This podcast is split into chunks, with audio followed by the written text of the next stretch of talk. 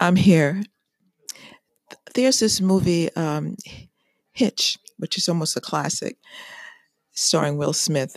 There's this one particular scene that is absolutely the funniest scene in the movie where Hitch is trying to teach Alfred how to dance so that he can win the girl of his heart. Hitch asks Alfred, "Let me see your moves. Let me see what you got."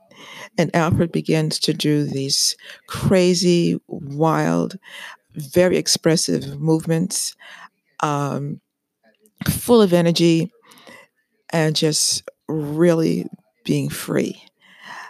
And Hitch stops him and says, no, stop it. You can't do that.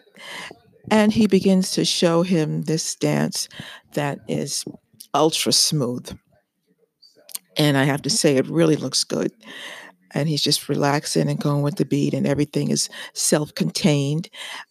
And he tells Alfred even to hold his elbows in and this is what you do. And Alfred tries it a little bit. And then eventually he does break free again for a moment.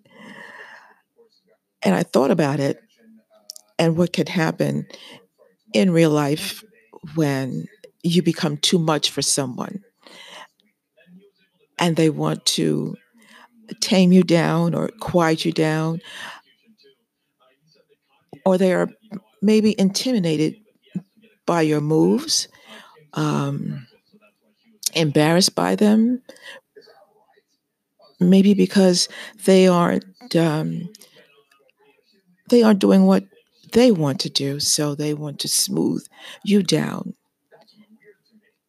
where they would feel comfortable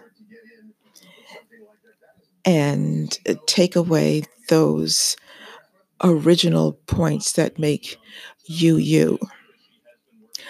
So I would ask to just be aware of that.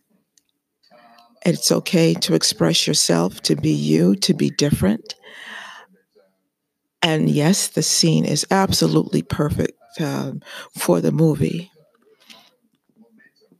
For you, in real life, remember, that's not where you live.